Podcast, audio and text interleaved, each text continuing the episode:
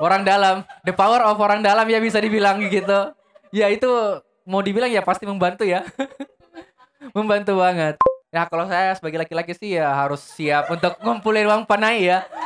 Karena uang panai mahal.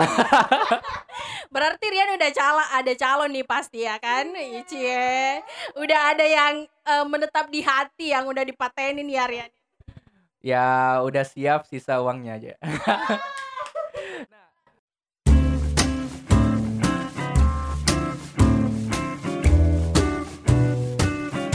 107,7 Radio Kampus IBS FM Unhas. penuh kreasi inovasi dan syarat akan obsesi Oke, selamat pagi, selamat siang selamat sore. Dan selamat malam Akademia Makassar. Nah, balik lagi nih di IBS Podcast di episode 7 khususnya di season 2. Dan hari ini bersa- bersama saya Rian Alfa. Dan Rizna Aulia. Oh iya, Rian Alfa mau tanya nih kabar Akademia Makassar. Gimana nih kabarnya? Semoga sehat-sehat selalu dan baik-baik aja ya walaupun masih di tengah pandemi sekarang ini. Dan Rian Alfa juga mau tanya nih buat Trisna, gimana sih kabarnya dan apa aja nih kesibukannya untuk waktu sekarang? Oke, eh, kalau sekarang nih kabarnya eh, baik ya, sehat. Apalagi eh, semakin excited untuk buat project podcast episode 7 kali ini. Nah dan eh, kesibukannya itu lagi sok sibuk aja. eh sok sibuk aja, apalagi berusaha menyusun skripsi dan dan juga lagi sibuk kerja aja gitu. Kalau Rian sendiri apa kesibukannya? Oh ya, eh, kabarnya alhamdulillah baik ya eh, sampai sekarang ini dan kesibukannya juga sama seperti Risna sih kuliah sambil kerja jadi fokusnya terbagi-bagi baik untuk kuliah dan juga pekerjaan. Dan untuk tema kita hari ini relate banget dengan kesibukannya Rian Alfa ya dan juga Risna yaitu kuliah sambil kerja. Nah, eh ngomong-ngomong nih Rian Alfa mau tanya buat Risna, kenapa sih eh, pengen kuliah sambil kerja karena kan eh, kalau kita kerja ya sementara masih kuliah itu pasti fokusnya terbagi-bagi dan manajemen waktunya itu butuh ekstra. Hmm, alasannya kuliah sambil kerja. Eh, kayaknya pertanyaannya nih apa ya? Kayak berat banget ya buat eh, saya sendiri. Salah satu alasannya adalah karena berhubung saya mahasiswa akhir nih, sebentar lagi fresh graduate, sebentar lagi lulus. Jadi kayaknya jiwa dan ragaku itu belum siap menjadi pengangguran setelah lulus. Eh, dan juga kemarin sempat ada di semester 7 itu kan ada mata kuliah internship nih. Eh, kemarin magang di pemerintah daerah Kabupaten Goa dan kebetulan juga setelah magang itu dipanggil sama bos nih katanya kinerja saya bagus. Alhamdulillah ya kinerjanya bagus. Iya.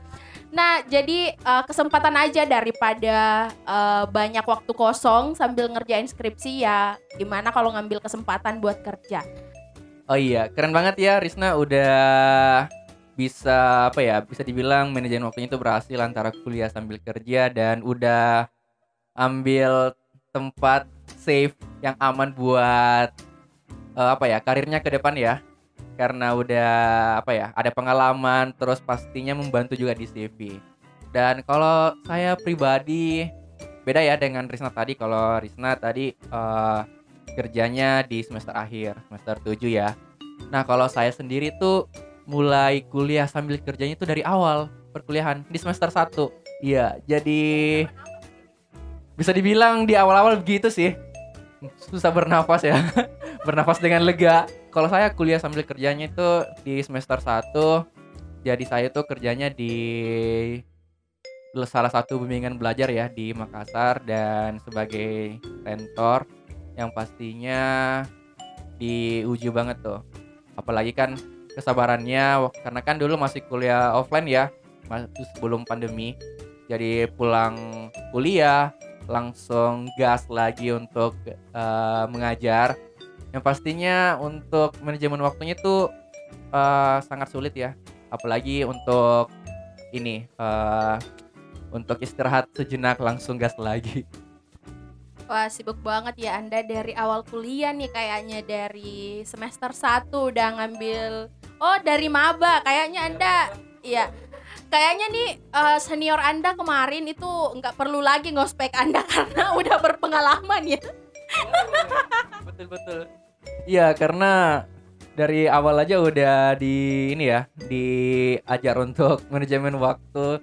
Ya walaupun sempat pada saat itu di awal-awal eh, keteteran antara tugas kuliah apalagi masih offline kemarin terus eh, lanjut lagi mengajar ya pastinya di situ lebih dituntut secara apa ya profesionalitasnya ya alhamdulillah berjalannya waktu sampai saat ini alhamdulillah masih lancar-lancar aja. Belum pernah dapat SP juga baik di kampus atau di tempat kerja.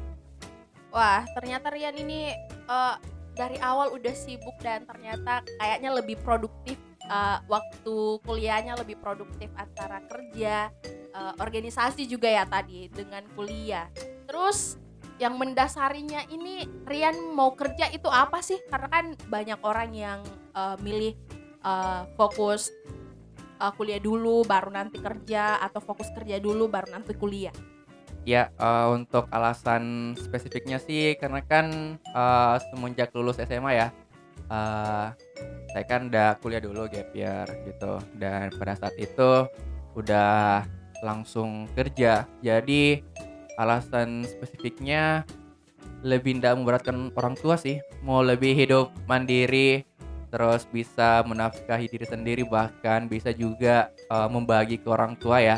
Jadi jadi lebih ke apa ya kemandiriannya tuh lebih diuji dan tidak memberatkan buat kedua orang tua. Makanya di awal perkuliahan itu ya saya memutuskan untuk jadi freelance juga sih sebagai tenaga pengajar biar eh, skill untuk kependidikannya itu lebih apa ya lebih terup lagi.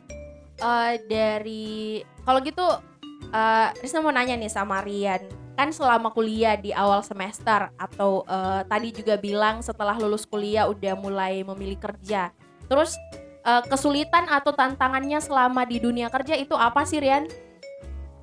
Ya, kalau tantangannya sih kan di awal-awal itu eh, lebih ke waktu ya.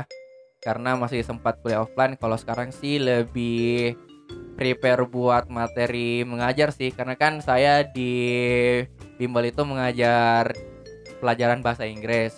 Sedangkan di perkuliahan saya itu belajar bahasa Perancis. Nah, jadi fokus antara bahasa Inggris buat mengajar dan bahasa Perancis buat eh, belajar itu lebih diuji ya fokusnya makanya eh, salah satu salah satu challenge atau tantang- tantangannya itu ya siapkan materi buat mengajar dan tugas-tugas perkuliahan juga di kampus bahasa Inggris dan bahasa Perancis sih.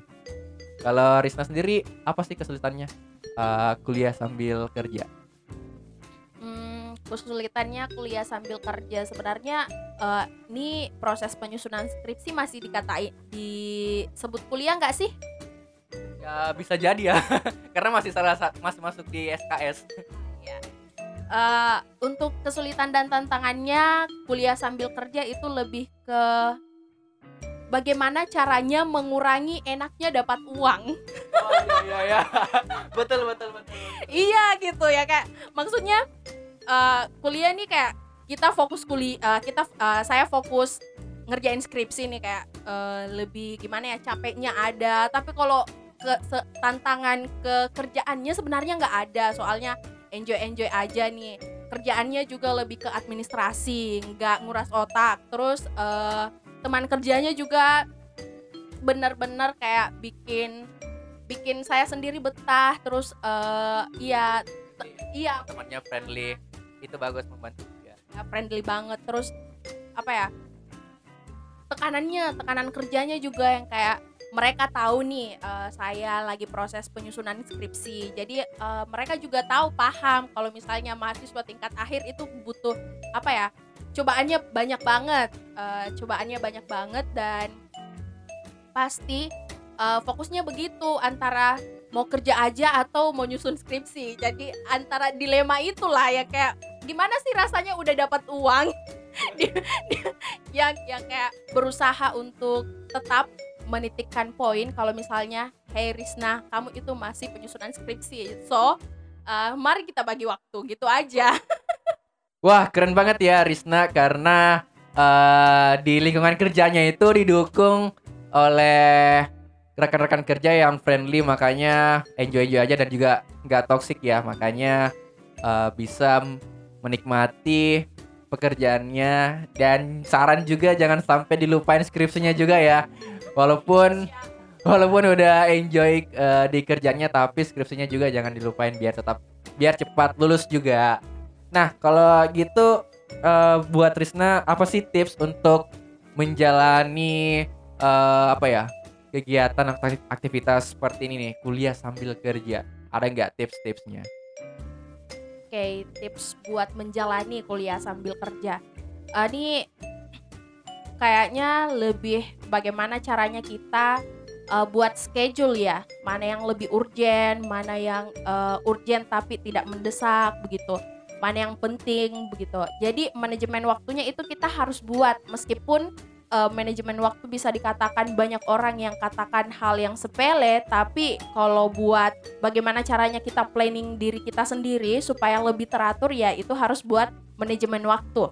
Nah, seperti itu kan tadi apalagi nih Rian kuliah, organisasi kerja pasti butuh waktu banyak yang gimana ya? Yang harus diprioritaskan. Hari ini saya harus prioritas ini, hari ini saya harus prioritas ini. Jadi sebaik mungkin kita bisa apa ya mengatur jadwalnya kita supaya nggak keteteran, supaya juga nggak drop. Apalagi kondisi sekarang ya kesehatan imun juga harus dijaga.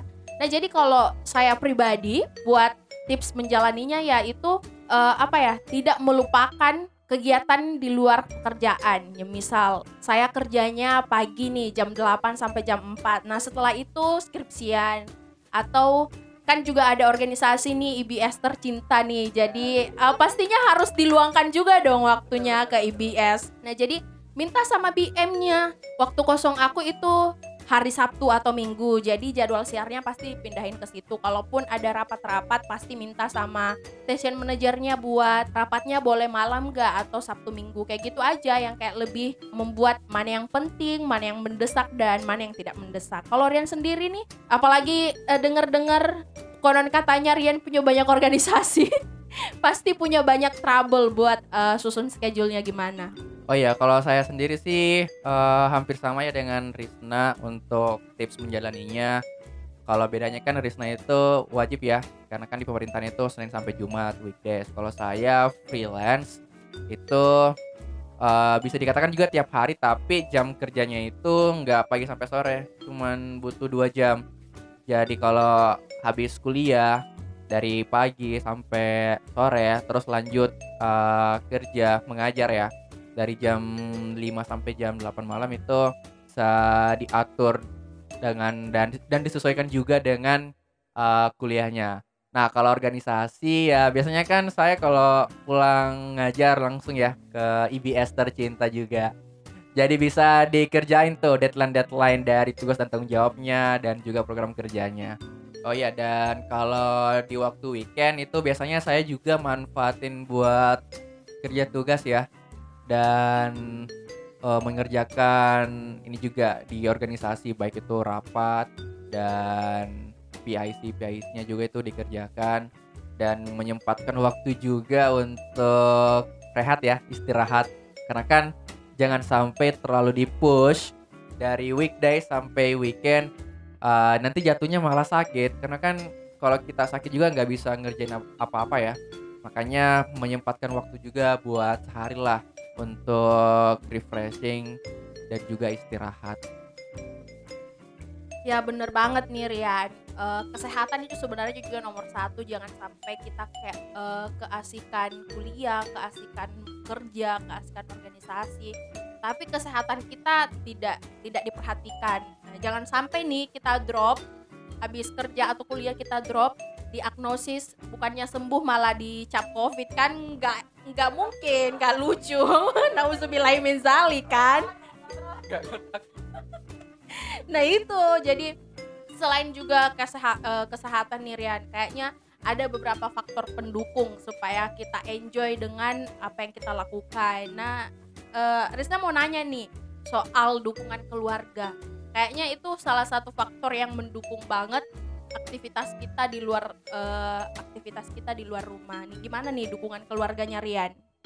Kalau dari keluarga sih alhamdulillah disupport banget ya buat saya pribadi untuk capacity building juga karena bisa kuliah sambil kerja jadi anak yang mandiri dan tidak jadi beban orang tua lagi semenjak lulus SMA apalagi kan di kuliah ini uh, pasti kebutuhan akan uh, baik itu dari segi buku terus uh, jajannya juga dan yang lain dan yang lain-lain foya-foya juga ya refreshing buat mahasiswa.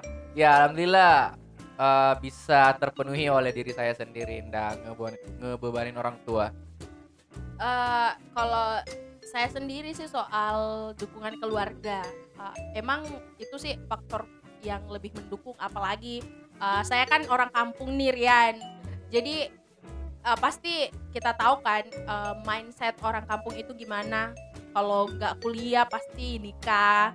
Nah iya untung nih untung banget mindset uh, orang tua saya itu nggak ke arah situ. Jadi uh, orang tua saya mendukung selama saya bisa uh, selama saya bisa bagi waktu dan uh, selama itu uh, berada dalam kapasitasnya uh, insya Allah orang tua saya mendukung sama kayak kuliah nih. Sebenarnya uh, dari awal itu orang tua nggak maksain buat kuliah. Katanya kan uh, alhamdulillah banget nih orang tua saya kayak lebih uh, menyerahkan semua keputusan dari saya tapi lebih uh, ngasih wejangan aja. Kalau misalnya bisa ya kerjakan kalau tidak ya jangan. Kayak gitu aja nih Rian jadi, jadi orang tuanya open minded ya akan masa depan juga itu harus diterapkan sih buat semua orang tua biar uh, kesuksesan anak-anaknya itu terjamin.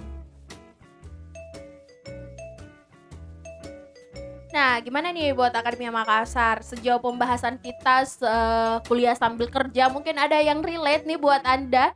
Nah, atau mungkin kayaknya Anda ada yang nyari-nyari soal info lowongan kerja ataupun uh, apply magangnya. Kalau Rian gimana nih? Uh, ada info nggak buat Akademi Makassar? Atau tips and trick mungkin? Oh iya boleh. Nah, kalau dari saya pribadi uh, yang paling penting itu sih adalah relasi ya. Karena kemarin juga sempat uh, teman ngerekomendasikan buat uh, menjadi tentor di salah satu bimbel di Makassar. Jadi relasi itu memang paling penting buat uh, ke depannya kita, buat karir dan juga orang dalam, the power of orang dalam ya bisa dibilang gitu. Ya itu mau dibilang ya pasti membantu ya. Membantu banget.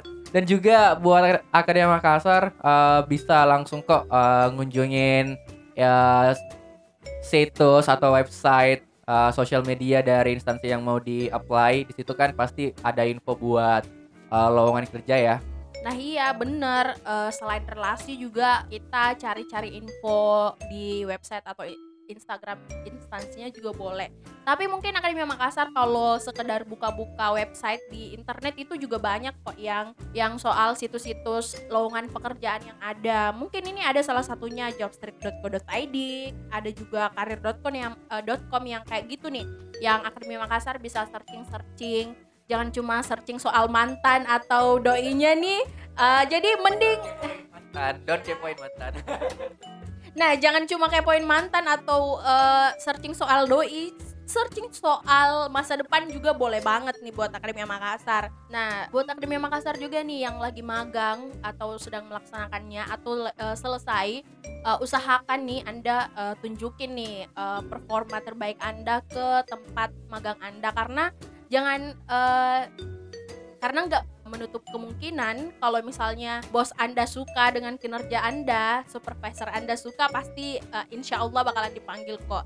Uh, sesuai sama pengalaman saya nih. Jadi uh, iya, kamu harus tunjukin yang terbaik dari diri kamu. Do your best pastinya. Do your best. Ya bener bener bener banget Risa ya. Uh, kita harus melakukan yang terbaik, do your best dan juga Nah kalau saya sebagai laki-laki sih ya harus siap untuk ngumpulin uang panai ya. Karena uang panai mahal. Berarti Rian udah cala ada calon nih pasti ya kan? Cie. Udah ada yang eh, menetap di hati yang udah dipatenin ya Rian. Ya udah siap sisa uangnya aja. Buat mbaknya, mbaknya pacarnya Rian, tolong eh, uang panainya agak dikurangin ya mbak. Tak boleh mahal-mahal ya. Biar cepat dilamar. Astagfirullah. Ya ya. Oke oke, kita lanjut aja ya ke pembahasan selanjutnya. Nah, kan kita berdua udah ada ya pekerjaan untuk waktu saat ini. Kira-kira eh, dari Risna mau stuck atau stay di pekerjaan sekarang atau nanti di waktu yang mendatang bakal mau cari eh, pekerjaan baru? Stay atau cari pekerjaan baru. Kayaknya untuk sekarang ini lebih memilih stay. Kenapa? Karena masih belum lulus ya, masih masih ingin apa? menyandang predikat mahasiswa nih Rian gitu.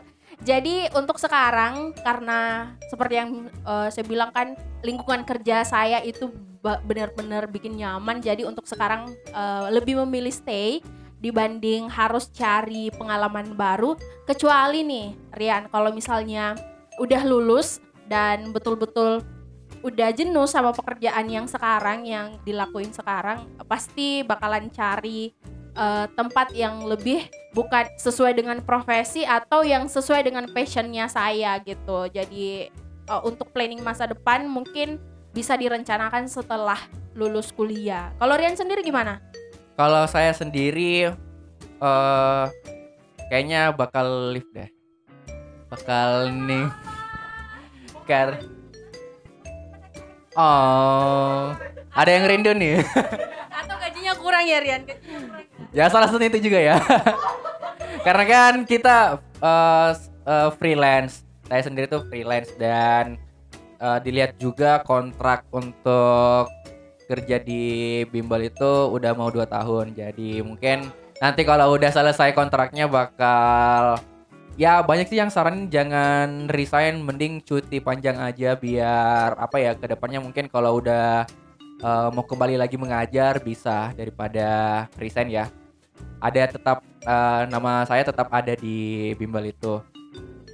Lah saya sih lebih ke out of comfort zone sih mau cari lagi hal yang baru daripada yang sekarang didapatkan karena sejatinya kita sebagai mahasiswa eh, masih mencari jati diri ya kalau saya. Menambah juga soft skill keahlian lagi jadi pasangan. Alhamdulillah udah ada. Kok kenapa ke pasangan sih larinya? Lebih ke pekerjaan dulu pekerjaan dulu. Nanti kalau udah ada yang tetap bakal lanjut. Ya jadi bakalan live deh kesimpulannya Mohon ya Rian, ini kayaknya eh, cerita pasangan apa cerita asmara Rian udah jadi konsumsi publik ya Rian. dan membuat eh, jiwa kejombloan saya dan mungkin teman-teman yang ada di studio menggebu-gebu ingin mencari pasangan. tunggu dulu, tunggu. Di hold dulu, di hold dulu. Takutnya ini ah, langsung ada pasangan langsung klop gitu. Nah, ini ada sedikit eh, rasa penasaran nih Rian kan dalam menjadi mahasiswa pasti ada beberapa trouble eh, atau kayak hal yang menjadi hal yang bisa buat kita keteteran begitu maksudnya.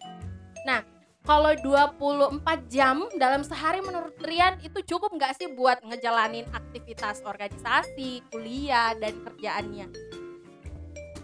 Kalau saya pribadi secara realita em, cukup sih.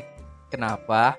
Karena dalam waktu 24 jam, 24 jam itu kita memang dituntut untuk manajemen waktu ya. Kapan waktunya untuk istirahat, kapan waktunya untuk kerja, kuliah dan segala macam. Jadi di sini dituntut untuk profesionalitasnya dalam mengatur waktu. Jadi 24 jam itu mau tidak mau ya kita harus bicara eh, sesuai realita ya, harus cukup. Kalau Risna sendiri gimana? Hmm, kalau menurut saya nih Rian ya, 24 jam itu nggak cukup. iya. Nah, kenapa? Karena eh, kalau bisa nih, kalau bisa nih Rian, tapi kita tidak bisa eh, apa mendahului kehendak Tuhan nih, kehendak eh, iya. Eh, kalau bisa nih, eh, Risna mau minta revisi waktu jam. Kenapa? Karena eh, pasti apalagi nih urusan pria dan wanita itu beda. Pasti pu- kita perempuan ini wanita punya beberapa hal yang eh, pasti kita pikir kenapa sih waktu nggak dipanjangin aja? Apalagi kan perempuan itu berpikir se- secara naluri ya. Eh, nggak kayak laki-laki yang logika jadi kayak eh, ngeluhnya pasti ke situ kok waktu singkat banget kok waktu singkat banget belum lagi nih waktu tidurnya belum lagi nih waktu nonton drakornya ya. Wah, Ya, belum. ada drakor tuh. iya. Iya kalau ya skincarean ataupun juga ada ngefan girling nih pasti kan udah tahu kan wanita zaman sekarang. Tapi dari situ nih kita nggak nggak boleh ambil dari sisi negatifnya harus positifnya. Jadi ngefan girling itu uh, bukan uh, suatu hal yang toksik tapi kalau misalnya kita gunain uh, apa kita jadikan fan girling sebagai motivasi kita ya kenapa enggak? Entertain juga ya, menghibur diri. sebagai entertainer diri nih. Eh, jangan sampai kita terlalu fokus dengan hal-hal itu tapi eh, hal-hal pekerjaan kuliah dan organisasi tapi kesenangan diri kita itu nggak ada. Jadi itulah mengapa eh, 24 jam itu nggak cukup. Apalagi nih sekarang lagi skripsian pasti satu paragraf aja itu kayak gimana ya susah banget buat memulainya. Jadi kayak kalau waktu udah berganti ya wah kenapa cepet banget? Padahal ini satu paragraf aja belum. Harusnya sih kalau bisa ya tapi kayaknya udah nggak mungkin nih karena waktu udah dari jam dari tahun nol udah segitu 24 jam. Jadi ya itu sekiranya. Ya, eh, seru banget ya Risna dan anak Makassar eh, pembahasan kita hari ini mengenai kuliah sambil kerja. Tadi kita udah bahas tentang ap- alasannya ya kenapa mau kuliah sambil kerja, terus dibahas juga kesulitannya. Ya tips and trick kan. Dan situs-situsnya juga mungkin yang bisa jadi referensi buat Akademi Makassar. Dan Rian Alfa juga mau ngucapin terima kasih buat Akademi Makassar yang udah dengerin ABS Podcast episode 7 spesial hari ini. Dan Rian Alfa juga mau ngucapin minta maaf jika ada salah kata dan juga oh iya jangan lupa kunjungin Instagram kita ya Akademia Makassar IBS FM Unhas karena eh, di situ ada info beasiswa info-info kegiatan yang mungkin bisa mengisi waktu lowong anda dan jangan lupa tetap dengarkan IBS FM Unhas nih Rian di mana frekuensinya Rian di 107,7 pastinya. Dan jangan lupa nih Akademia Makassar untuk tetap dengarkan IBS Podcast di Spotify. Tungguin, pantengin episode-episode yang seru lainnya. Dan tetap dukung kita di IBS FM Unhas untuk tetap jaya dan tetap memberikan eh, hal-hal yang menarik untuk Akademia Makassar. Nah waktunya Rizna Aulia pamit. dan juga Rian Alfa pamit. Wassalamualaikum warahmatullahi wabarakatuh. Vivan Academia, Vivan Profesores. Bye-bye. Sampai jumpa. Wuh.